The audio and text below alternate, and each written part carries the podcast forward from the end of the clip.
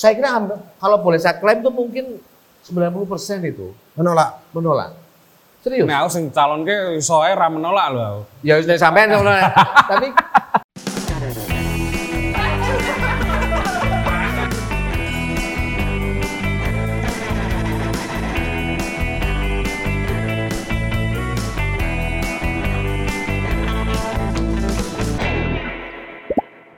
Halo teman-teman, ketemu lagi dengan saya Putu TA, Kepala Suku Mojo. Eh, kami lagi ada di sebuah tempat yang sahdu karena hujan deras tengah hari eh, di Cafe Ada. Itu salah satu kafe yang berada di lokasi Sarang Building 2 ini Daya. Sarang Building 1. Ini bersama perupa kaya raya, tanahnya sampai nggak boleh beli lagi sama orang kampung. Nah, pernah saya wawancara juga. Eh, terima kasih dah disambut di kafenya yang menyenangkan ini, Sama-sama Mas Putut. walaupun hujan lebat ya. oh, Dan hari ini pas kita mengambil eh, video ini, orang-orang atau teman-teman dari Muhammadiyah sedang sibuk-sibuknya mempersiapkan muktamar ke berapa ya? 48. 48. 48 ya. Muktamar ke-48 dan di depan saya ada Mas Budi Hermanto Halo. sebagai salah satu tokoh Muhammadiyah Yo, muda. Eh, jadi panitia sih Bu Mas ya. Lumayan, Hmm? lumayan. Wirawiri ke Solo. Ya ini tak- karena pembantu kan nggak terlalu sibuk-sibuk amat. Dan sama Uda Alfi tentu saja kedua-duanya para ya setidaknya inilah masih berorganisasi di Persyarikatan Muhammadiyah gitu. Kalau saya kan yang aktif Muhammadiyah bapak saya saya enggak. Ibu juga. Bapak Ibu. Arti clear ya. Kalau Mas Budi ini ya eh, struktural. Ya, saya jadi anggota Majelis Pemberdayaan Masyarakat. Wah, PP. PP.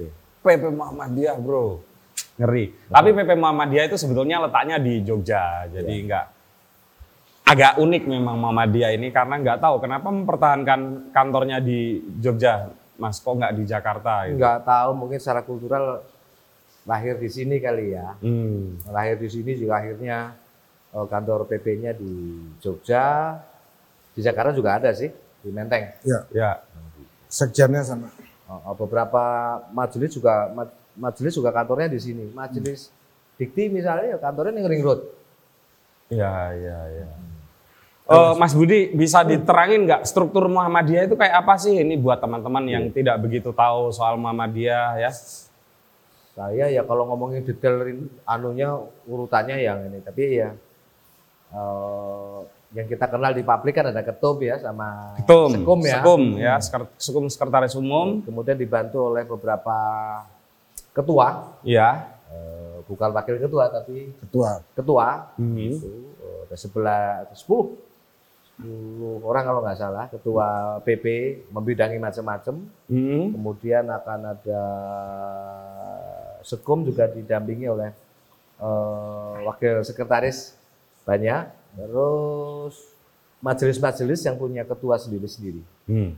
kemudian selain majelis ada lembaga Lembaga. semacam LSBO lembaga seni budaya Kalau di NU badan otonom. yes Banom. Nah, Banom, Banom, di NU ya. Banom di sini juga ada majelis ada Oh beda. Beda beda. Beda. Kalau Banom itu di NU, kalau di Muhammadiyah Ortom.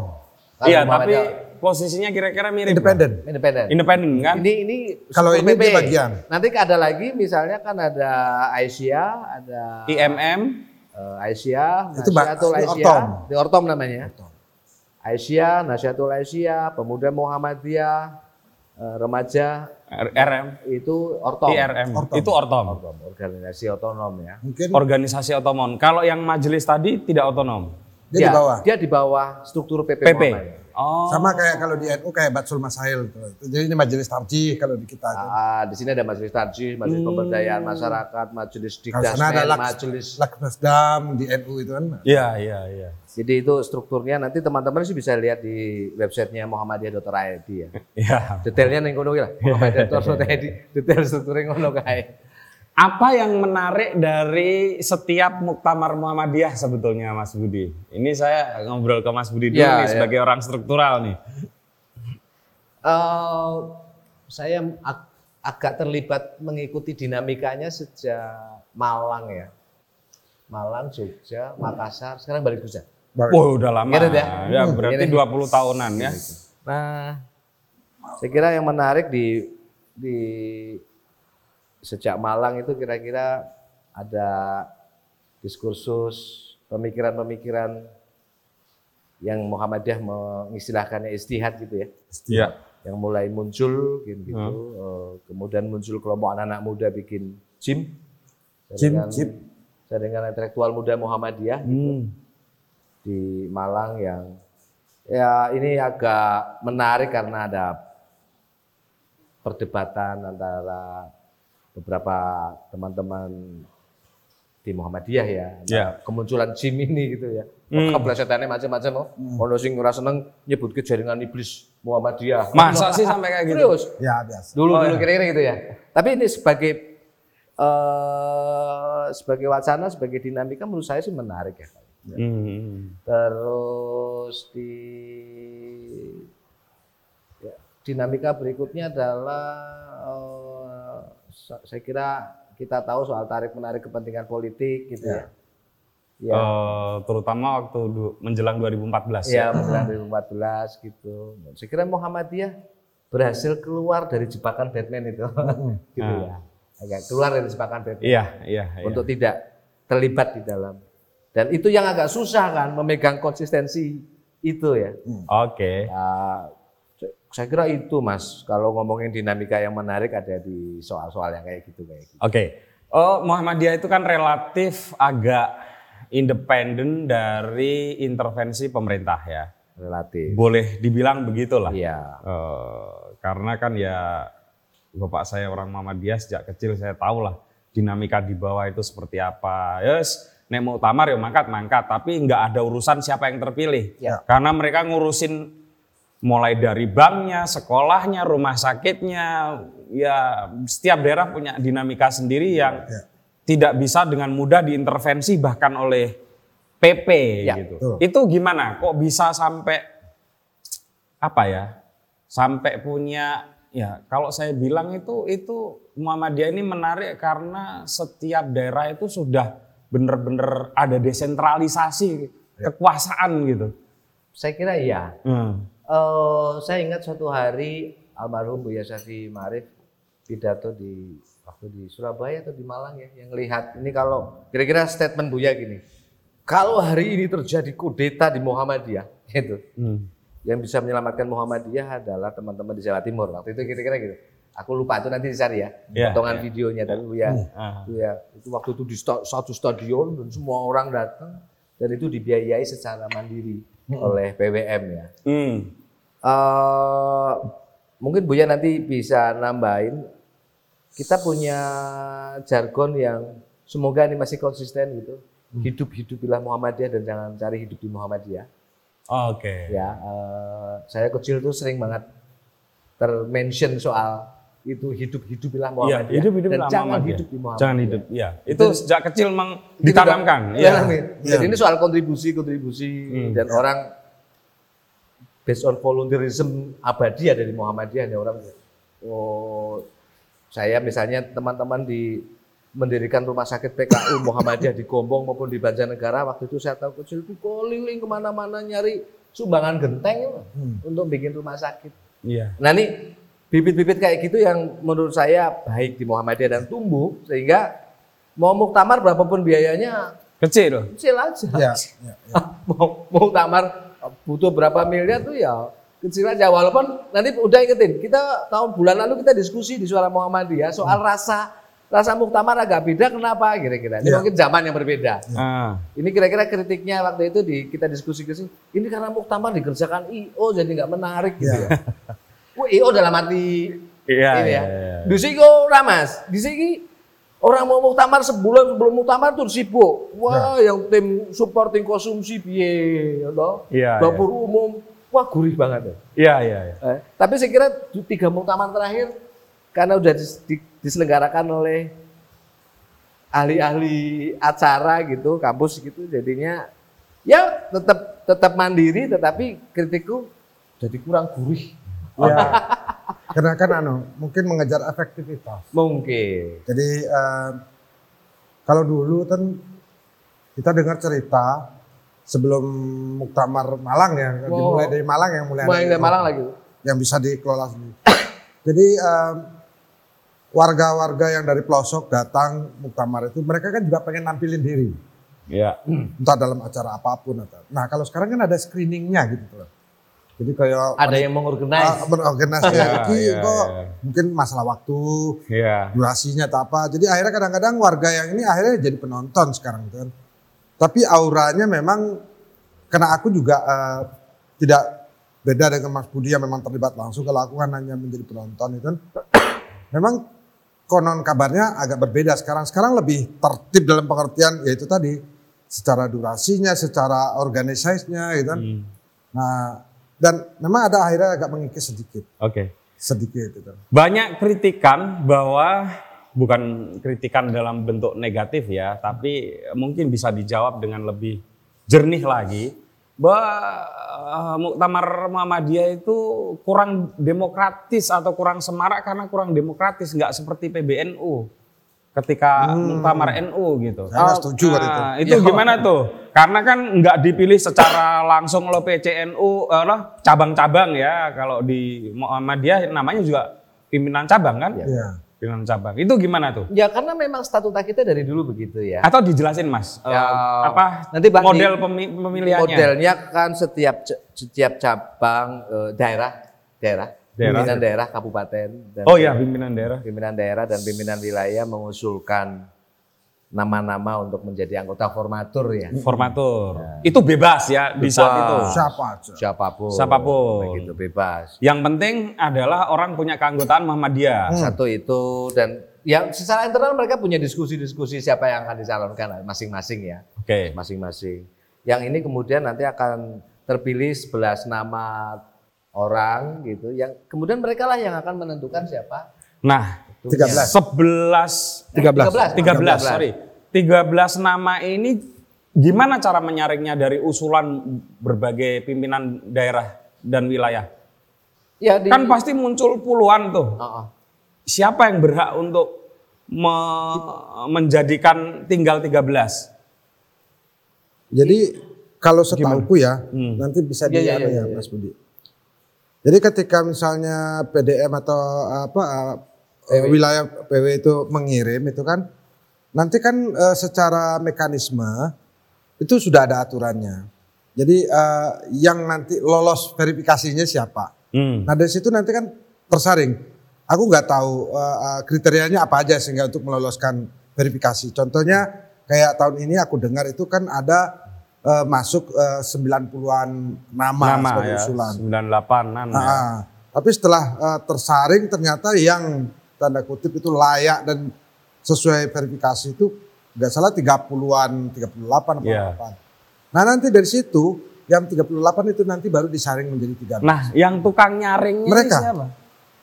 peserta peserta. Artinya yang 38 ini. bukan P anu utusan anu toh, utusan pimpinan daerah pimpinan Iya kan nanti ada punya ada ada utusan-utusan. Eh, Jadi nanti dari kalau nggak salah sekarang kan ada online dan hibrid ya, ya. Nah, Jadi ada hibrid, ada online-nya, ada offline-nya, ada yang datang, ada yang ini. Jadi nanti kan ada suara-suara yang akan memilih. Jadi misalnya kayak PCM ini ada suara, nanti dia bisa memilih. Gitu. itu yang menyaring dari 38 ke Ya. 13. Saya mau menjelaskan lagi. Jadi itu tadinya banyak banget. Oke. Panitia kemudian mengembak ini kira-kira mengkonfirmasi. Ah.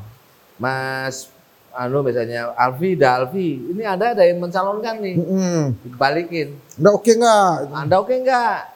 Harus sama tanda tanganin surat pernyataan. Nah, sebagian orang Oh saya udah oke, nggak. sebagian orang menyatakan, "Wah, saya belum layak lah jadi anggota. Ah. Enggak usah lah saya." Hmm. Nah, Oke. dilalah itu semangatnya itu dilalah itu. Selalu begitu? Selalu menolak. Iya. Believe it or not, tapi yang saya tahu tuh beberapa orang dulu tuh selalu menolak. Menolak, merasa berat Saya lah. nggak usah lah. Hmm. Menolak. Nah, nah Tahu diri lah ya. eh, seba- sebagian orang kayak gitu. Iya. I- saya kira kalau boleh saya klaim tuh mungkin 90% itu Menolak. menolak. Serius. Nah, aku sing calon ke iso ae ra menolak lho. Ya sudah sampean menolak. Tapi 90% itu menolak. Ning masalah ra ono sing nyaut. Nah, iki terus Saya ngerti bebannya ya pasti nolak sih. gitu ya. Nah, Iya, pani- iya, iya. panitia dan beberapa orang atau pimpinan wilayah atau pimpinan daerah yang mengusulkan yang kemudian melobi jangan ditolak. Ya.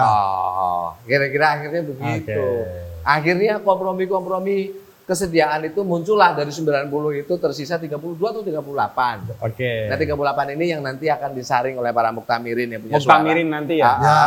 untuk menjadi 13. 13. 13. Dan Itu, tiga, dan 13 itu tidak boleh ada dissenting opinion ya. Nggak ada di sini. Harus sepakat. Satu Sepa- orang saja memveto gagal ya. Iya, Nah, setahu, setahu saya dari dulu nggak pernah ada. Punya 13 itu sebetulnya mungkin dipilih ya kalau ada perbedaan suara, tapi sepanjang saya tahu semua mufakat. Mufakat. Dan harus mufakat kan? Iya. Karena satu saja nggak setuju gagal kan? Gagal.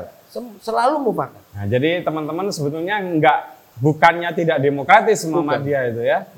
Cara jangan-jangan jangan-jangan demokrasi dalam konteks Indonesia ya begini, jangan-jangan. Jangan-jangan. Jangan-jangan. Jangan-jangan. Iya. Ketika negara ini menyepakati antara Pancasila menghilangkan pasal dalam apa namanya eh, apa namanya dulu piagam Jakarta Hmm. kan juga soal mufakat.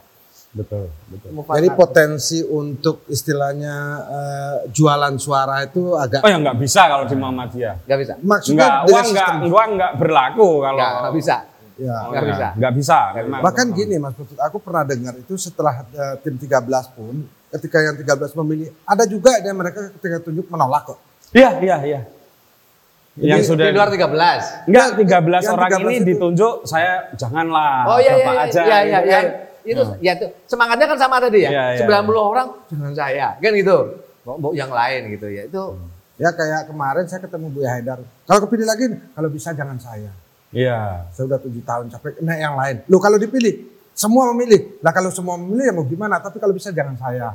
Oke. Buya begitu. Kalau Buya kan Buya Sapi itu malah terus terang ya, dia tidak mau. Iya. Walaupun dia masuk ke dalam itu waktu ya yang ya, punya beliau almarhum betul-betul menolak gitu. saya sudah tua.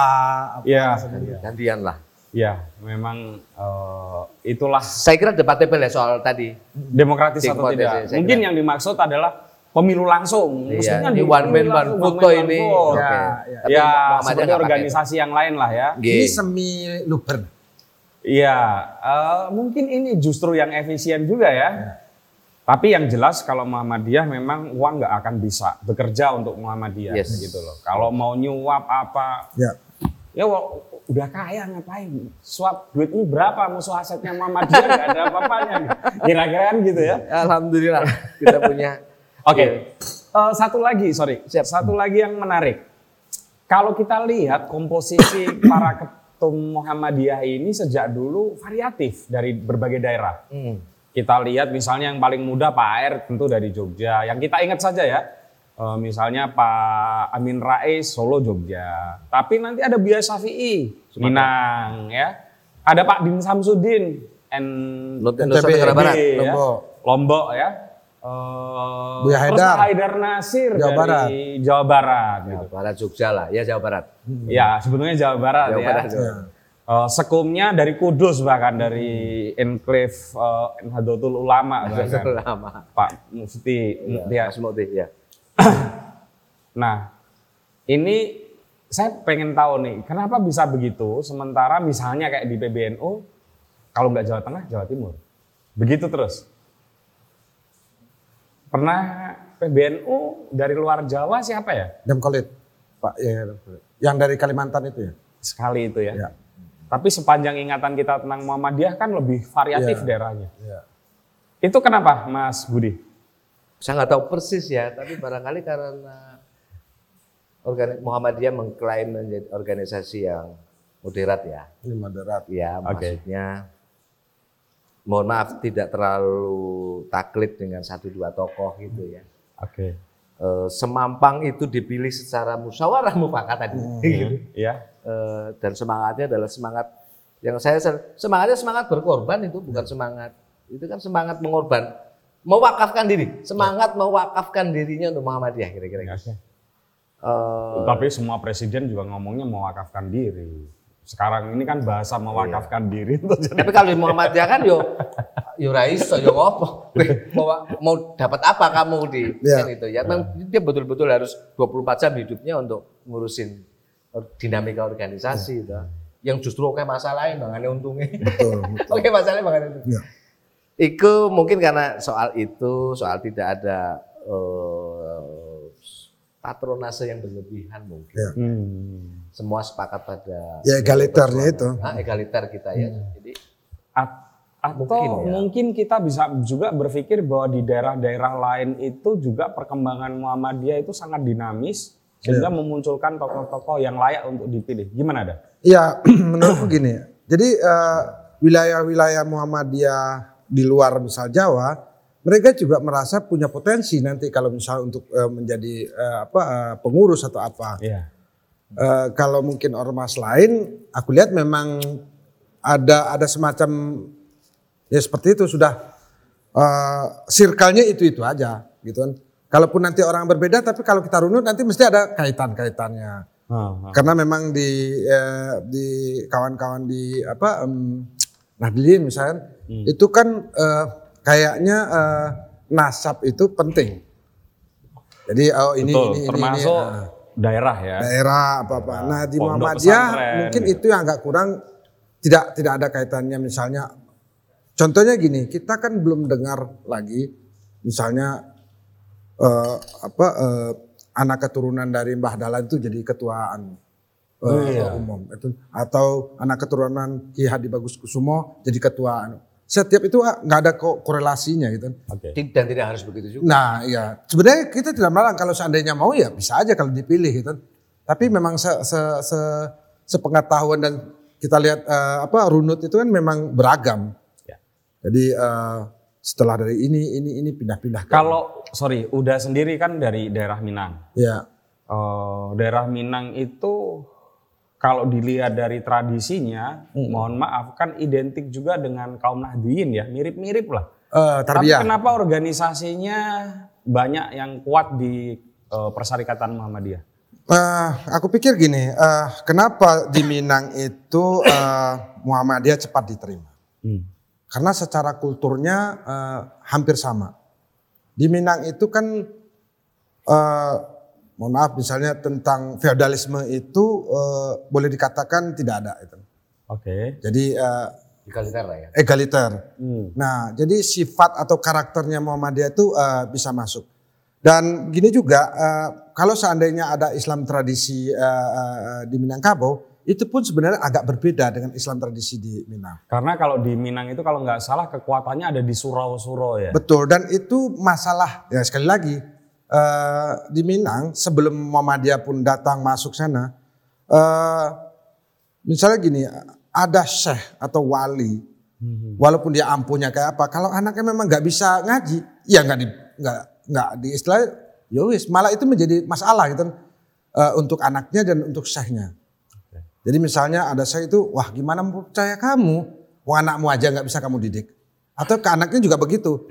Kamu tuh gimana bapakmu tuh eh, guru kamu, kamu kok nggak bisa? Jadi tidak ada istilah penghormatan. Ya kalau memang dia nakal ya udah mau anak saya ya ya kita pun sebagai. Nah itu Nasab tidak terlalu tidak penting di sana itu kan. Bahkan makanya aku kemarin nulis tentang di sana itu mungkin keturunan Habib itu banyak, Oh banyak banget. banyak sekali. Cuman kan di sana putus kena matrilineal dan orang juga nggak mau keturunan siapa kalau lihat amalmu apa, ilmumu apa. Ya. Nah Muhammadiyah membawa semangat itu sehingga sebelumnya juga sudah ada modernisasi oleh eh, apa eh, kaum mudo namanya gitu kan. Iya. Kaum mudo itu Mudo. eh, ayahnya apa eh, eh, Buya Hamka itu. Heeh. Tapi menariknya juga kekuatan di sana berimbang Hmm. antara misalnya kaum tradisi, kaum tua dengan kaum mudo itu kan berimbang dan itu tidak jadi masalah karena dari awal dua tokoh yang menjadi patron antara kaum tua dan kaum mudo itu sudah bersepakat. Ya. Ya. Oke. Gitu. Sekarang kita coba lebih dalami lagi Muhammadiyah dari sisi historisnya. Nah, ini, ini agak agak mesti kita cermati dengan kritis dan jernih. Kehadiran Muhammadiyah itu identik dengan apa ya? proklamasi atau statement untuk menghajar TBC. Iya. Tahayul, bid'ah, khurafat. gitu ya. Eh, dan itu juga yang memancing kemudian kemu- eh, hadir rival dalam tanda kutipnya nah, Nahdlatul Ulama kan harus diakuin tuh. 12 tahun setelah itu. Ya 12 tahun setelah itu. Jadi Muhammadiyah itu lahir duluan teman-teman dan Ya, ya. eh, kaum Nahdliyin ini kemudian sepertinya merespons kan atas kehadiran itu gitu ya. Eh, tapi makin ke sini apa yang disebut dengan tahayul bid'ah khurafat kok rasa-rasanya makin tidak identik lagi dengan Ya. Muhammadiyah. Betul, betul. Apa yang sebetulnya terjadi secara sosiologis dan historis gitu?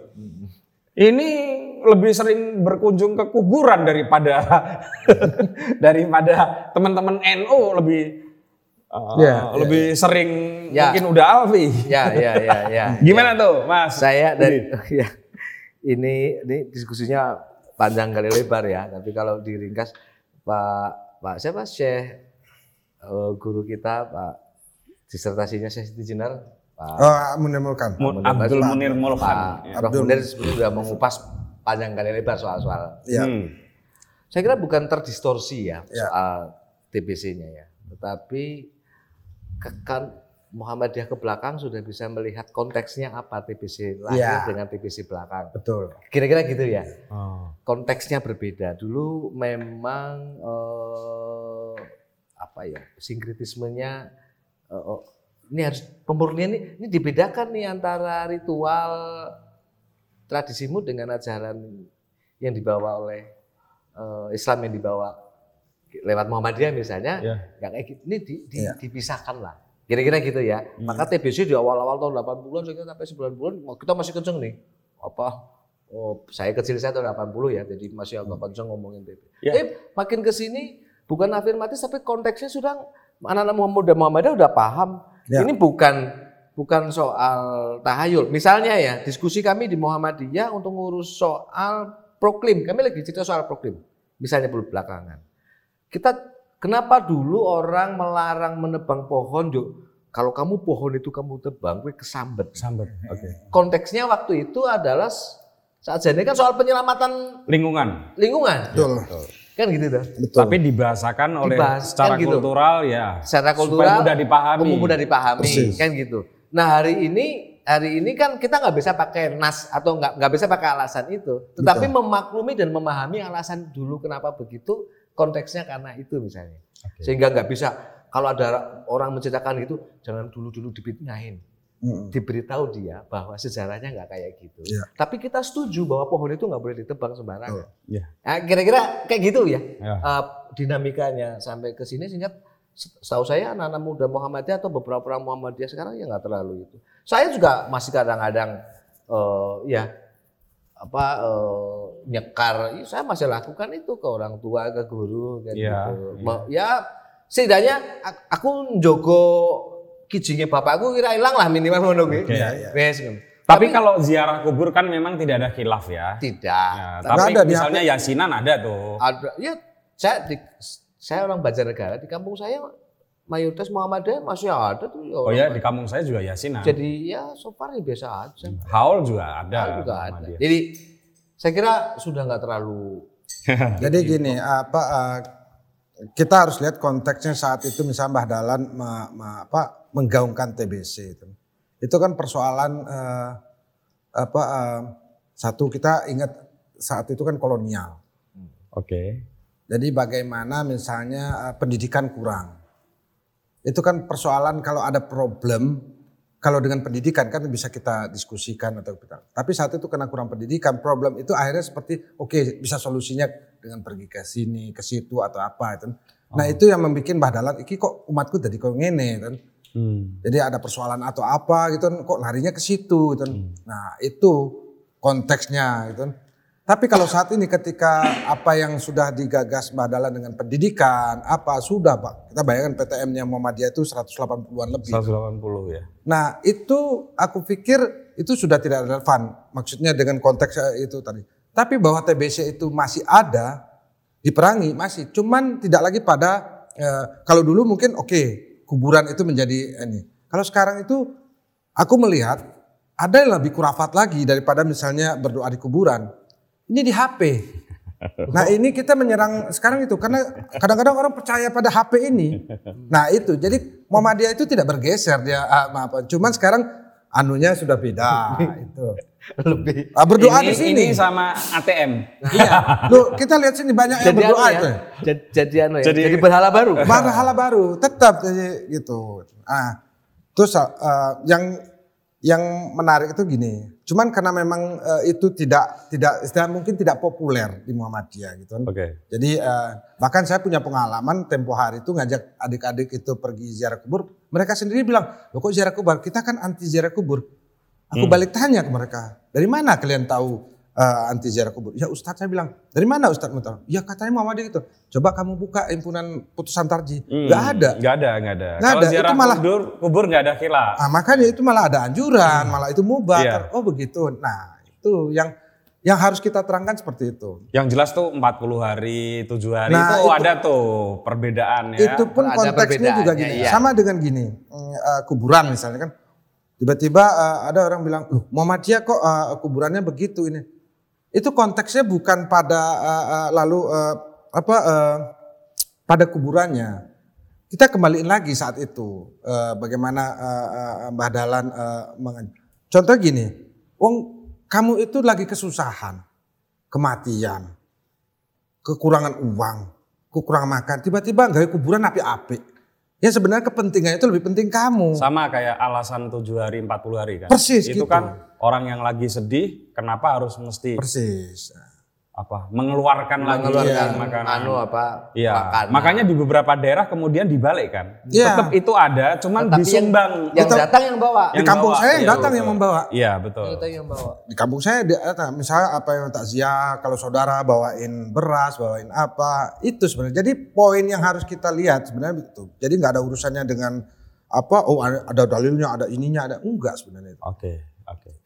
Eh itu di satu sisi ya soal TBC. Tapi di sisi yang lain masih banyak orang yang tidak bisa membedakan ini. Ini beberapa tahun lalu saya sibuk sekali mengklarifikasi walaupun saya merasa bukan orang Muhammadiyah karena orang tua saya Muhammadiyah, saya Tertuduh Muhammadiyah ya. bukan tertuduh dah, tapi ada rasa tanggung jawab Ya. untuk Ya, ya, mengklarifikasi. ya, ya, ya, ya. Muhammadiyah dianggap misalnya Nyon Sewu Wahabi Mm-mm. atau dianggap HTI. Ya. Jadi orang-orang yang bahkan tidak bisa membedakan apa itu Wahabi, apa itu Muhammadiyah, apa itu HTI, ah, bahkan nggak bisa membedakan yang sering ke bawa kompor itu ke ini ah, tablik, jamaah tablik. Jamaah tablik. Kan itu banyak variannya dan itu Iya. dianggap orang yang orang yang mohon maaf, orang awam Ya. Ya. Muhammadiyah itu duanya. Ya, ya, ya. Ya. Itu gimana tuh, Mas? Oke. Budi? Saya kira ini ada ada hubungannya soal juga dengan situasi politik yang membuat kita sejak 2014 bertengkar di sosial media pada soal, soal kayak begini. Itu jadi kira-kira saya mau katakan begini. Eh mereka yang mengang- mengaku sangat KRI kadang-kadang Mm-mm. terus mengaku sangat toleran, tetapi minim bacaan juga Ya. dan minim pengetahuan tentang Ya. gerakan Islam termasuk juga Muhammadiyah, Hmm. itu juga serampangan cara ngomongnya, Betul. cara menuduhnya, Ya. yang yang kemudian dianggap sebagai Islamophobia. Sebetulnya ya hati-hati juga tuh ngomongin. Ini kalau saya memanainya, ya ini karena bacaannya agak kurang, diskusinya nggak sering ketemu, jadi akhirnya menganggap menganggap yang ini terus Wahabi HTI. Gitu. Mm-mm. Sebaliknya juga Ya, tapi bener kan sering dituduh Wahabi Iya, ya. HTI kan? Pertama saya mau mengatakan ini kan soal ada ada beberapa kawan-kawan kita di sosial media yang sebetulnya tingkat pengetahuan tentang Muhammadiyahnya agak terbatas, Hmm. gitu. Ya. Tapi banter lah bengok. Bantil bengok. Sama juga teman-teman yang HTI maupun eh, Wahabi ini ya juga di kanan luar ini juga l- ngafir-ngafirin orang semaunya sendiri yang yang saya kira juga punya keterbatasan dialog dan keterbatasan bacaan, Iya. nah, gitu loh. Iya, iya. Nah ini bu- buat saya kedua-duanya jadi sama. Iya. Nah, saya paham bahwa kemudian Muhammadiyah karena mencoba wasaton berada Wasatiyah. di Di tengah-tengah. Tapi NU juga wasaton, semua pakai prinsip wasaton mengakunya kan? Lah ya ini maksudnya gitu. Bagian umum Muhammadiyah kan ini kan soal saya membacanya hal lain adalah soal kehati-hatian sebetulnya. Iya. Soal kehati-hatian maka eh, dianggaplah pro terhadap atau mengakomodir setidaknya Hmm. atau memberikan ruang setidaknya. Ya. Kacau Dianggap- memang kacau. Gitu. Sorry, mm, sorry saya potong ya. Ustadz Adi Hidayat, Hmm. itu kan Muhammadiyah, Hmm. ya kan? Hmm. Itu banyak yang bilang itu Wahabi. Ustadz Abdul Somad itu jelas nah. Nahdlatul Ulama. Dianggap- Itu juga dianggap Wah. Wahabi kan. Iki piye to ngomong iki do mudeng ora. Lah iku ya, Mas kamu orang mudeng toh, orang mudeng. Kan eh, kita kan mengakui ya, misalnya saya saya mengagumi Gus Baha ya salah Ya. satu. Saya, Ya, saya Gus Baha, mengagumi saja. saya pengagum juga eh, Adi Hidayat. Aku Ya. acak- karena mereka, mereka punya banyak sumber bacaan. Betul. Gitu loh. Dan tiba-tiba dituduh Wahabi atau HTI atau apa pun. Wah ngeri banget tuh. ngeri banget. Dan tapi saya balikin. Saya dan agak kasihan nih jangan-jangan yang nuduh juga karena agak keterbatasan tadi untuk tidak saya katakan "Nah, kamu nggak ngerti, kamu nggak pernah baca, Ya. kamu nggak kan gitu ya. Iya. Jadi ini tugas kita memang untuk jelasin. Ntar, ntar, ntar dulu, ntar dulu, ntar dulu. Jangan buru-buru kasih cap begitu dong. Ya. Kira-kira kan gitu kalau Ya, saya. tapi ramainya media sosial hampir tidak terbendung oleh upaya edukasi untuk menjelaskan apa sih Muhammadiyah. Padahal punya 180 lebih Nah itu itu itu universitas. Ini, ini jujur aja dan ini sekolah tinggi. Gimana? buat aku pribadi ini makanya ini yang menjadi kritikku secara internal kepada Muhammadiyah. Gitu. Wah, ini menarik nih. Dikritik secara internal. Loh ya kita Para fakta, PP Muhammadiyah. nah faktanya memang begitu. Kalau kita ngomongin tentang lembaga pendidikan punya 180-an lebih PTN, SMA mungkin ribuan, SMP puluh ribuan, SD wah Wah, ya terhitung. dan itu sudah berlangsung ber Puluh tahun. Nah, itu jelas menurutku kalau kita uh, uh, apa uh, uh, lihat jumlah tahun itu seharusnya secara pendidikan itu kan warga Muhammadiyah itu lebih terbuka. Tapi ternyata kok masih banyak warga Muhammadiyah yang berpikiran sempit. Nah, aku melihat bagaimana sebenarnya pendidikan itu uh, di Muhammadiyah tentang uh, apa wawasan-wawasan yang diberikan. Kalau aku melihat sih begini, ada kekurangan kita dan ini selalu dengan Mas Budi aku ngobrol. Ini kayaknya kita ada yang kurang deh pendidikan di Muhammadiyah. Satu atau tentang bagaimana sejarah Islam itu sendiri. Oke. Jadi itu harus kita pelajari sehingga kita tidak langsung gitu bahwa kita sadar sejak dahulu kala ada perbedaan-perbedaan tafsir terhadap eh, eh, anu, kita lihatlah puluhan atau, atau bahkan tidak hanya dari satu eh, golongan Sunni atau apa itu nanti pecahannya banyak Hmm. dan itu tidak kita pelajari dengan anu. Terus kedua eh, kesenian dan kebudayaan Ya. itu kurang. Jadi eh, jadi itu yang nah saya berharap Karena lukisan tuh bukan, bukan. Jadi eh, eh, kesenian dan kebudayaan bukan hanya pada praktek lalu kamu jadi seniman atau enggak. Bahwa ada se- semacam eh, nilai-nilai pengetahuan di seni itu yang bisa mengimbangi. Eh, contohnya mungkin seperti Muhammadiyah tahun 70-an 80-an ketika masih ada majelis kebudayaan itu bagaimana itu kan. Oke. Nah, sementara saat ini di situasi yang semakin kompleks dan terbuka, itu harusnya semakin harus ditingkatkan sehingga keterbukaan, keluasan pikiran. Ingat jargonnya kan Islam berkemajuan. Tiba-tiba kita menjadi konservatif, pendek pikiran itu menurutku agak agak agak ironis itu kan. Iya. Gitu.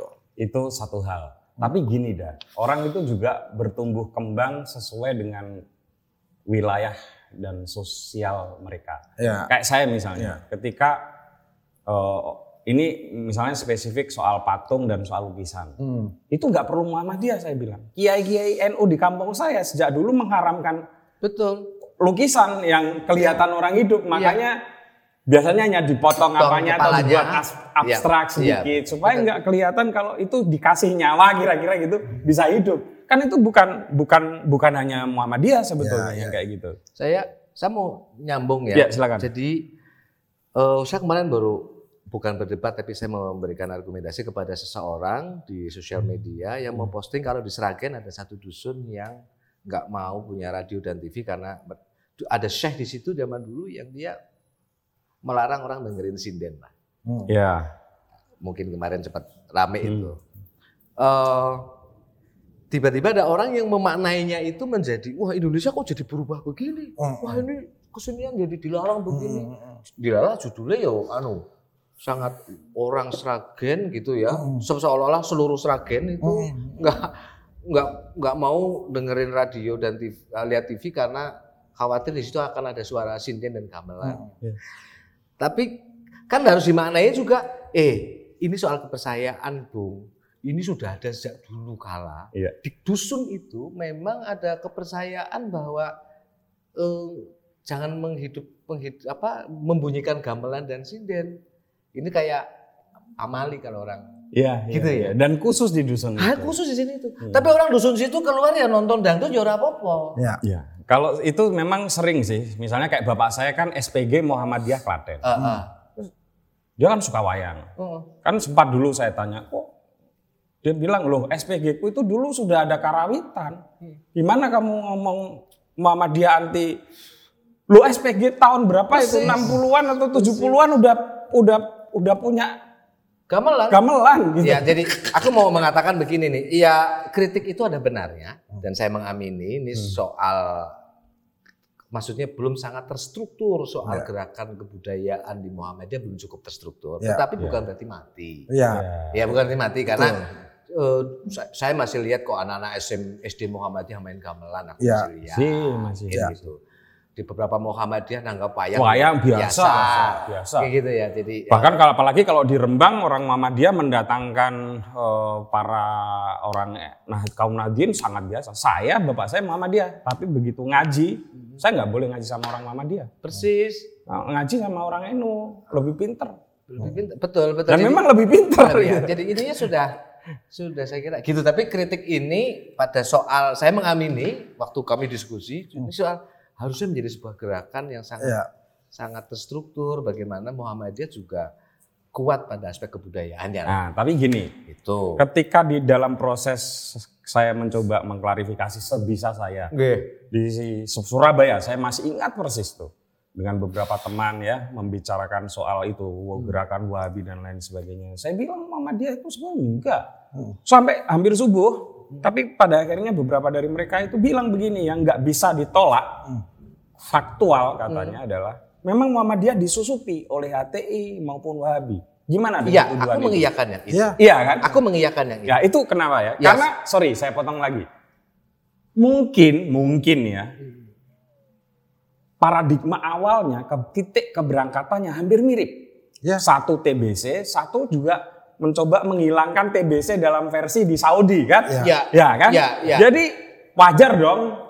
Apalagi mungkin prakteknya ketika mungkin di Jogja atau di Solo atau di mana mungkin masjid-masjid Muhammadiyah dipakai dalam tanda kutip aktivitas eh, lembaga-lembaga lain yang mungkin dengan gerakan-gerakan yang agak berbeda dengan yang dimaksud oleh Muhammadiyah. Gimana Mas? Saya sih mendiskusikan itu bahwa tahun 2001 kami ngobrolin ketika kita melihat aktivis-aktivis eh, jamaah-jamaah kampus gitu ya. Iya, iya, iya. Jamaah-jamaah Harus di harus di ya memang salah satunya itu. Kan gitu ya. Iya. Tiba-tiba ekspansi dan masuk Masjid Muhammadiyah. Ya. Betul. Saya ingat. Iya. Ini si, si, si, si. Ini anak-anak MM mana? Anak MM mana? Anak IRM mana? Pemuda Muhammadiyah mana? Aisyah mana? Kenapa yang masuk jamaah-jamaah kampus ini? Betul. Itu rongewu mas, aku udah mendiskusikan itu. Hmm, Itu rongewu. Memang marak-maraknya itu, itu, ya, tahun-tahun itu. Kan gitu. Betul. Ketika mu- ini kan sebetulnya euforia dengan jamaah kampus di Salman. Sebenarnya 90-an udah dimulai, Mas. Ya, tapi Ya. ma- aku mengaksep kira-kira menyadari dan aku lihat. Dan mere- mereka mulai melegalkan diri kan. melegalkan Setelah diri. Reformasi kan, gitu. memang melegalkan, Melegalkan diri. diri juga masuk itu juga. Nah, aku ora ngerti mungkin saking apike Imam Muhammadiyah. Ya ora apa-apa lah ono sing ngurusi ono ono sing ngurusi masjid ben ngono to. Mungkin ngono kuwi to. Ah, ning belakangan aku nah kan kecolongan to, kecolongan to aku berani ngomong begitu. Beberapa kawan yang saya Tapi memang bener kan, mereka lebih mudah aktif di Lah sekarang gini. Muhammadiyah. Saya juga itu juga jadi krit- kritik internal juga. ya, itu kritik internal. Maksudnya gini, kita tiba-tiba uh, berteriak, waduh Masjid Muhammadiyah dikuasai begini begini begitu. Tapi persoalannya selama ini Masjid Muhammadiyah setelah dibangun ya sepi. Ya sepi. Ya. Lalu tiba-tiba ada orang yang mereka punya falsafah itu kalau sholat harus di masjid. Betul. Lah sekarang itu harusnya kan kita malu dong kayak gitu. Melawannya ya kamu harus rajin juga ke masjid yang memang udah kamu dirikan. Tapi ketika mereka datang ke sana terus kita marah-marah. Sebelumnya kita nggak ke sana. Ini itu. Saya itu juga kritik pada diri saya sendiri. Saya sempat marah-marah gitu. Tapi terus pikir-pikir juga, ya deh saya jangan ke masjid. Tiba-tiba teman teman-teman itu yang bikin kegiatan di sana atau apa. Nah setelah ada gerakan baru saya marah-marah. Sebelumnya gimana? Nah Iya. itu itu memang faktanya seperti itu. Iya, iya. Aku mengamini Mas Putu tadi statement apa? Premis itu ya. Hmm. Iya. Premis itu aku Iya. mengamini bahwa kemudian ini agak agak direbut. Mm-mm. Hmm. Biarpun ya lim eh ya 10 tahun terakhir timbul kesadaran saya juga tahu beberapa harus kita ambil lagi. Iya. Iya. Kita ambil Tapi lagi. kritik itu sebetulnya bukan hanya untuk Muhammadiyah. juga Karena terjadi. di Jogja misalnya banyak sekali masjid-masjid yang dalam tanda kutip diakuisisi oleh teman-teman yang beda versi gitulah ya. Hmm. Itu juga tanggung jawab antara Muhammadiyah dan NU dong. persis. Ya, wong Muhammadiyah, wong NU ne ora gelem ngajari anak-anak kecil Ya, ngaji, ya. nggak Ya, mau mengurip-uripi masjid, ya wajar dong. Ya. Apalagi di perumahan-perumahan yang modern ya, Betul. yang lebih mudah orang untuk masuk gitu ya. Saya mau menyampaikan satu statement agak sensitif semoga tidak timbul jadi polemik ya. Tapi Saya udah jadi polemik juga nggak apa-apa. iya. Itu kan kemudian Muhammadiyah dalam tanda kutip melakukan bersih-bersih ya di institusi pendidikan. Ah. Oke, eh, saya lihat beberapa teman atau dosen di kampus-kampus Universitas Muhammadiyah yang eh, agak tadi ikut kelompok HTI yaitu itu eh, mereka mereka hilang, Iya, iya, iya. iya. hilang ya entah itu mengundurkan diri atau kemudian anda keluar. Ya. Gitu. Tapi ini saya, saya kira ini harus saya klarifikasi ini bukan statement Muhammadiyah ya. Ya. Mm. Ini bukan statement Muhammadiyah. Betul, betul, betul. Tapi Opini saya ya. saya melihat Muhammadiyah berbenah lah. Ya. Men- mengamini kritik itu Muhammadiyah berbenah yang kemudian eh, beberapa kawan yang saya tahu itu sudah nggak kelihatan di kampus-kampus itu Saya setuju. kan gitu Oh. dan aku mengapresiasi itu Ya, oke good aku bilang memang pengamatan saya yang di Muhammadiyah sudah sebetulnya sudah tidak terjadi. Ah, Eh, teman-teman yang beda varian ini, Hmm. gitu. itu kan kemudian sekarang kan di masjid-masjid perumahan, Iya. masjid-masjid inilah Iya. kaum kelas menengah yang fasilitas masjidnya ada, Iya. tapi nggak nggak sempat merawat masjid gitu. Akhirnya mereka yang merawat, bukan bukan lagi di masjidnya Muhammadiyah. Ya. betul Ya betul kan? Memang itu. tapi ya. aku tadi mengamini aja dah Ya. ya ini dan itu betul tidak hanya di Muhammadiyah kawan-kawan kita di NU juga menghadapi situasi yang sama betul, betul. Ya makanya buat aku sih gini, eh, gerakan itu kita ambil hikmahnya. Ah ya kayak aku bilang tadi, ketika kalian itu melihat gerakan itu masif menguasai, yuk kita juga harus sadar diri cepat gitu. Ya, Jadi ngapain marah-marah masjid dikuasai sementara kamu tidak pernah ke masjid itu gitu. ya, ya. Nah sekarang ya dan tanda kutip bukan ambil alih pengertian anu ya, ya datang ke sana. Kalau saya lebih persisnya ada nggak ada masalah hal-hal seperti itu terjadi sebagai dinamika peradaban Persis, ya kan. betul. Cuma yang jangan sampai terjadi adalah tuduhan-tuduhan itu disematkan pada golongan yang seperti Muhammadiyah. Ya, Kita itu nggak bisa loh membayangkan Indonesia ini bisa seperti ini tanpa NU dan tanpa Muhammadiyah. Itu Persis. simple. Ya. gitu. Ya. Gi- Kita nggak bisa membayangkan Ya. kalau cuma mengandalkan mes apa sekolahnya negara berapa sih bisa menghasilkan Ya. orang terdidik? Ya. Ya kan? Tapi ponpes pondok pesantrennya nah, kaum Nahdien Ya, yang ya. luar biasa banyak Ya. Ribuan. ketat kurikulumnya ya, Ya, walaupun tidak pakai embel-embel modern gitu ya. itu betul Tapi luar biasa kan. Betul. Nah, Muhammadiyah juga begitu. Jadi keduanya menjaga republik ini menjaga republik ini dengan dengan apa ya kamar masing-masing dan saya nggak bisa membayangkan Indonesia tanpa Muhammadiyah dan nggak bisa membayangkan Indonesia tanpa NU. persis. Nah, cuma jangan sampai tuduhan-tuduhan seperti ini salah alamat. Ya, ya. ya Karena kejam tuduhan ini gitu loh. iya Iya kan? nah Tapi gini bisa juga, dianggap sebagai mengganti mau mengganti anu anu mau, mau Pancasila perjuangan- itu kan wah kejam itu tuduhan. kita, itu Ya. kan. kita udah selesai di situ Cuman gini, kalau aku sih, aku dulu tuh sempat larut juga dengan polemik-polemik seperti itu. Tapi setelah mencoba untuk eh, ya berkeliling atau apa, ini persoalan karena memang eh, sosial media. Jadi suara itu terdengar seperti besar. Padahal Ya, ternyata noise ya istilahnya. noise itu Ya, sebenarnya. bukan Karena aku voice. akhirnya menemukan Noise, noise. Agak aku berisik. aku eh, secara kultural itu tumbuh besar Muhammadiyah ternyata tidak masalah. Betul. Aku masuk ke teman-teman NU mereka juga welcome. Apa? Ya satu dua itu ada dan itu aku pikir tidak akan rampung-rampung sampai akhirat Oh, ya. itu. Nah, cuma persoalan memang kedengaran menjadi persoalan besar karena ya itu tadi ada yang menggaungkan, ada yang ini. Pada prinsipnya juga nanti kalau benar-benar istilahnya eh, eh, terjadi konflik, mereka juga nggak pada mau itu loh. Ya. Itu. Ya. Oke. Eh, Mas Budi dan Siap. Uda Alfi. Hmm. Kesannya nih belakangan ini Hmm. di kepemimpinan Presiden Jokowi, Muhammadiyah dianggap terlalu berseberangan sama pemerintahan Jokowi. Apa yang sebetulnya terjadi? Eh terutama Mas Budi nih. Kalau saya kalau saya tidak berseberangan lah ya. Enggak gitu. Eh, saya kira saya mau melihatnya dan ini saya tentu harus mengklarifikasi ini bukan pernyataan Muhammadiyah walaupun saya Ya, warga ya, Muhammadiyah tapi ya. saya kira Muhammadiyah mengambil porsi yang yang tepat lah Ya. untuk satu tidak terlalu juga dekat dengan negara gitu ya. Pemerintah lebih Ya, tepatnya. lebih tepat tep- lebih tepatnya Hmm. tapi juga nggak jauh-jauh amat Ya. kan itu ya nggak jauh-jauh amat ini posisi ini posisi yang yang aku sih masih ngelihat oke kan gitu masih oke tuh maksudnya diajak dialog presiden masih mau datang masih mau ngobrolin diajak oh, menteri-menteri untuk membicarakan undang-undang sisiknas misalnya masih memberikan kontribusi Betul. kayak gitu. Eh, ada satu dua warga Muhammadiyah seperti saya yang kadang-kadang noise-nya agak ke- kekencengan ya misalnya itu yang kemudian dianggap oh, Ya. Atau jangan-jangan tuduhan orang karena Muhammadiyah nggak dikasih banyak kursi tuh di kabinet Presiden Jokowi. Saya Jadi orang enggak. Muhammadiyah Iya. kecewa. enggak lah Muhammadiyah nggak terlalu butuh itu. Kalau kalau iya Sorry ya, betul. aku mau mengatakan Muhammadiyah nggak terlalu butuh itu. Aku juga mengamin. Eh, Jadi gitu gini, ya. Moga-moga Pak Haidar sama mohon Bapak Ya. Pak Yai.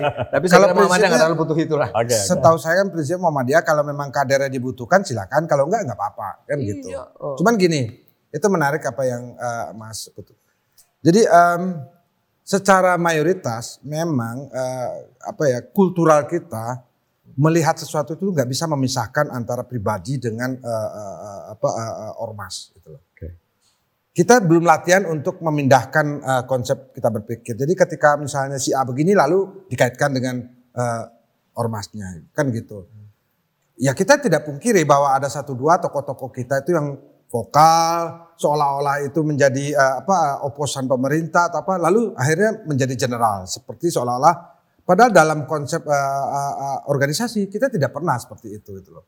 Dan itu juga nggak bisa kita eh, apa eh, apa ya tolak atau kita marah-marah ya memang itu prosesnya gitu. Ya, ya. Nah sekarang kan itu yang harus kita latih kepada masyarakat kita. Coba me- me- memilah gitu.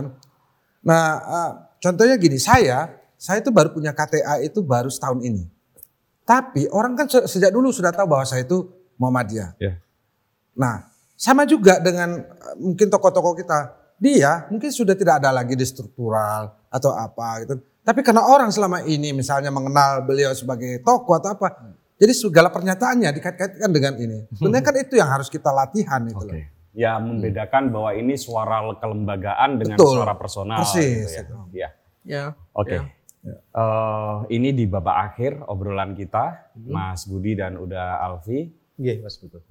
Kira-kira apa yang masih kurang diperhatikan oleh Persyarikatan Muhammadiyah ini eh, sehingga bisa diperbaiki lewat eh, kepengurusan yang akan dipilih di Muktamar Ya. ini nanti dan agenda biasanya Muktamar ada agendanya kan? Ya. Itu apa, Mas, yang menjadi perhatian kita bersama untuk baik memperbaiki internal Muhammadiyah maupun kebangsaan kita ngomongnya. Ya, ya. Ka- kita mau agenda kita adalah soal berkemajuan dan berkontribusi pada semesta segala nih. Ya, ya. Kalau- Semesta ya? Ada semesta segala. Iya. Jadi ini beyond Indonesia, beyond kita udah bicara soal semesta dengan segala ekosistemnya, Pak. Iya. Menurut saya hari ini semua agama-agama di dunia, walaupun Muhammadiyah bukan agama, dia hanya sedang berlomba untuk menjadi agama yang eh, agama yang ini agama menyenangkan nih, gitu gitu, gitu ya. Yang rahmatan lil alamin. Ini agama yang menyenangkan nih, gitu ya. Ini ini kalau bicara soal agama. Ini Ya. semua agama sedang berlomba soal itu. Hmm. eh mohon maaf kalau saya kalah dan mari kita bisa diskusikan. Jadi cara dakwah Muhammadiyah sekarang bukan lagi soal membuat orang masuk ke Islam. Ya. Bukan. Utmu ila sabilika bil utmu ila sabilika rabbika bil hikmah gitu ya mem- sekarang berlomba untuk membuat sebuah kebaikan. Persis. Gitu kan? Ya. Berlomba untuk membuat kebaikan. Hmm. Bukan kemudian membuat orang masuk Islam itu bukan. Tapi menurut saya pengennya itu kenapa kemudian Muhammadiyah sekarang ya sudah kita banyak ngurusin pendidikan, kesehatan, buat semua agama. Betul. Buat semua agama. Buat semua Siswa kita di IND 99% SMA favorit ya orang Katolik. Kristen, ya. Kan gitu. Jadi dakwah kultural itu jangan lagi ngomongin dakwah ke dalam, tapi sudah kolaborasi ke mana-mana. Persis. NU dan Muhammadiyah bareng-bareng melakukan gerakan dakwah, bertemu dengan kelompok-kelompok agama lain yang mari kita berkontribusi terhadap semesta ini, terhadap ekosistem lingkungan, ya kira-kira gitu. Tantangan Muhammadiyah ke depan menurut aku. gitu. Di muktamar kali ini ada pembahasan secara spesifik soal Saya kira gitu, semangatnya kan ini soal eh, saya lupa aku tagline-nya aku lupa tapi soal pokoknya berkontribusi terhadap semesta lah. Ya. Jadi ini nggak lagi ngomongin Indonesia, Nusantara, eh, tapi kita sudah harus berkontribusi terhadap peradaban dunia, terhadap dialog antar umat apa pun itu di dunia gitu. Dan Muhammadiyah harus eh, lompat itu, tidak lagi terjebak pada urusan-urusan yang Ya. apa kan gitu. Ya salah satunya gitu mas. Kemarin kalau kita, anu aku kebetulan kemarin datang ke apa eh, ke Solo. itu. Oh diskusi kemarin ya. Ah, Jadi ada semacam pramuktamar, ada Ya, pramuk- Institute, Hmm. gitu kan. Itu mengadakan agenda seperti itu. Bagaimana dialog-dialog kebangsaan itu di Hmm. dan itu mengundang teman-teman yang lintas eh, apa eh, lintas golongan, lintas iman atau apa dialog tentang hal seperti itu Oke. Em, tentang toleransi gitu kan. Cuman juga kan ada batas-batas yang memang akhirnya kita jelaskan apa yang disebut dengan toleransi itu. kan. Toleransi bukan lalu memanai apa-apa terus kita amini gitu kan. Ya. Tapi ada batas-batas yang memang- pasti, pasti. Nah itu. Jadi eh, ada menarik juga ketika saya datang ke sana, saya lihat itu kan. Ternyata di UMS sebagai kampus Muhammadiyah itu kan banyak teman-teman yang ternyata dari timur, Hmm. dari Papua, dari apa mereka tinggal di asrama di situ. Dan saya lihat oke-oke saja. Nah sebenarnya hal yang seperti ini yang harus kita sebarluaskan. Ini loh. Gitu. Nah sekarang kan gaung yang kedengaran kan ada misalnya urusan-urusan kilafiah yang gesek-gesek sedikit, tapi itu dengungnya besar. Betul. Jadi seolah menjadi persoalan, padahal sebenarnya enggak gitu. Tidak terlalu penting. Iya, Ya. tapi ora terlalu penting. Ya. Gitu. Nah kalau Lebih penting ngomongin bagaimana ya tuh kok soal soal kemanusiaan gitu tuh. Nah maksudnya di sini nanti sebagai istilahnya kebetulan eh, mudah-mudahan nanti didengar oleh para apa eh, penggiat eh, struktural atau apa kan. Iya. eh, Pengurus setidaknya pengurus PP yang baru. lah. ya, ya konten Semoga. ini, konten ini. Satu dengan dengan jargon Islam berkemajuan, Muhammadiyah juga harus sadar situasi saat ini seperti apa, terutama kepada anak-anak muda gitu loh. Jadi eh, saya bukan karena saya orang seni lalu bilang berkuat-kuat tentang seni atau apa, tapi bagaimana itu penting sekali. Oke. Eh, ke- kemarin saya ketemu ada eh, seseorang Nggih. eh, teman eh, dari eh, Ambon. Beliau itu istilahnya pengasuh lah teman-teman dari sini. Dia mikir, karena kita tahu di Jogja kemarin ada eh, kasus eh, perseteruan sempat ramai itu. Nah pada prinsipnya beliau gini, Mas ngobrol sama aku, apa ya solusinya kita untuk teman-teman ini bisa menyalurkan energi pada hal-hal yang tidak seperti itu. Nah akhirnya kata kuncinya itu kesenian. Kesenian itu tidak punya agama. Dia bisa merangkul segala golongan. Ya aku bilang, "E, Bang, Ambon itu punya misalnya karakter. Misalnya gini, di Ambon itu kesenian kan sangat kuat. Ya. Nyanyi, pertunjukan atau apa. Coba yuk kita ini. Tapi bukan lalu menjadi juga eh, eh, eksklusif itu. Kita tarik juga Jogja ini adalah kota budaya. Juga terkenal dengan apa istilahnya eh, kebudayaan-kebudayaannya. Di di Jogja itu ada kalau nggak salah setiap Selasa itu eh, adanya eh, mob eh, apa eh, di Malioboro itu. Iya. Nah itu kan bisa kita ini rangkul gitu. Hmm. Itu juga bisa kita praktekkan pada eh, eh, perserikatan gitu. Bagaimana kita merangkul. Makanya kemarin saya agak ngotot itu oke lah yuk coba kita ini lagi karena ya kita punya lembaga seni dan Seni budaya. budaya. Tapi saya merasa itu tidak maksimal, Belum optimal ya. belum optimal gitu. Sementara kebutuhan sekarang itu, nah mungkin mungkin itu eh, eh, eh, tidak maksimal karena konteks kebudayaan dari mungkin eh, struktural kita yang di atas kita masih melihat kebudayaan seperti apa yang mungkin yang mereka ini karena kebetulan mohon maaf itu kan memang masih pada umur yang sudah eh, cukup tua atau apa. Bagaimana melihat karena kebudayaan itu selalu mudah gitu. Iya. Nah itu mudah-mudahan, gitu. Hmm. mudah-mudahan nanti di Muktamar itu hal itu lebih diperhatikan karena sekali lagi dunia modern ini dengan segala kecepatan-kecepatan apa komunikasi ini itu harus di eh, apa eh, di eh, difasilitasi. Jadi jargon eh, jargon berkemajuan itu bukan hanya sekedar mulut tapi memang kita juga bergerak memang maju juga gitu kan. Oke. Gitu. Oke, terakhir banget Mas Budi, terakhir banget ini. Oke, Gi. Anda ini sibuk soalnya. Enggak lah. Siapa tokoh Muhammadiyah yang paling Anda kagumi? Ini Mas Budi dulu deh. Eh, ya kalau ya aku masih ke Buya Syafi'i Ma'arif ya. Buya Safi'i. Tapi saya kecil saya bacaannya Pak AR. bukan kecil eh, saya Buya bacanya Hamka. Buya Hamka. Buya Hamka. Tafsir Saya semua buku eh, kitabnya Buya Hamka ya kayaknya saya tidak hafal tapi saya membacanya. Iya, Gitu. iya, iya. Pertama adalah Buya Hamka, yang kedua Dilala kok dua-duanya wong Sumatera Barat kabeh. ya nggak apa-apa. Gitu ya. Gitu. Gitu ya, di dua itu loh Pak Buya Hamka sama Buya Syafi'i Ma'arif. Iya. Saya pengagum keduanya. Udah? Ya saya tambah Pak AR. Tambah Pak Air ya. Ya, Pak Air menyenangkan. Menyenangkan sekali ya. Islam remeh temeh yang Ya menarik gitu, menarik. Saya masih agak mengalami eh, waktu ke Jogja, beliau masih ada jadi Ning KR ya. eh, di Selasa. KR dan di radio. Ya, saya mengalami. Lo hal. di TVRI itu TVRI Jogja setiap hari setiap minggu kan beli Iya, Selasa. di TVRI. Iya. Tapi sekarang udah masih enggak kan? Enggak. Enggak. Ya itu masih- mungkin bisa siaran-siarannya itu mungkin bisa diputar ulang lagi Iya, Pak. karena membuat Muhammadiyah itu ternyata tidak semengerikan Iya. yang dibayangkan oleh orang-orang. Iya tuh, betul. Ya, dengan salah-salah tafsir. Tapi saya kira makin ke sini orang semoga ya makin mudah memahami Muhammadiyah. Moga-moga. Kalau saya sih optimis karena Optimis ya? gini, Mas Putut, saya ketemu dengan teman-teman muda Hmm. yang ya mungkin 10 atau 20 tahun lagi mereka akan mengisi di struktural mungkin Ya, gitu kan. ya. Tapi yang menarik saya sih berharap pikiran-pikiran keterbukaan mereka, eh, kebijaksanaan mereka iki muda wis bijaksana ya. Oke. Saya berharap bahwa ini nanti akan menjadi eh, apa penerus-penerus ini dan saya optimis bahwa Muhammadiyah akan lebih eh, apa eh, eh, lebih baik lagi, lebih lebih lebih istilahnya em, apa yang menjadi pikiran-pikiran orang saat ini tentang puritan atau apa eh, enggak gitu. Enggak lagi ya. Ya. Oh, jadi yang berkemajuan itu sebagai slogan itu punya tantangan Ya. tersendiri. Dan dengar-dengar juga sekarang kan lagi men- mencari darah-darah segar. Darah-darah muda. Ya, darah- itu keren. Situ mau nggak masuk ke struktur Muhammadiyah? Oh, kalau anunya posisinya jelas ya, ya gelem lah. Ya, insya Allah kalau berkontribusi Enggak, maksudnya boleh gini, ya. kan dibilangin hidup-hidupilah Muhammadiyah. Hidup-hidup lama Nah itu konteksnya kalau hidup sudah selesai. Ya. Dan itu gini, saya mau mau kembalikan lagi. Eh. Ciri orang Muhammadiyah itu seperti itu. Nah wis rampung kabeh, njok mikirnya opo sih harus digawe.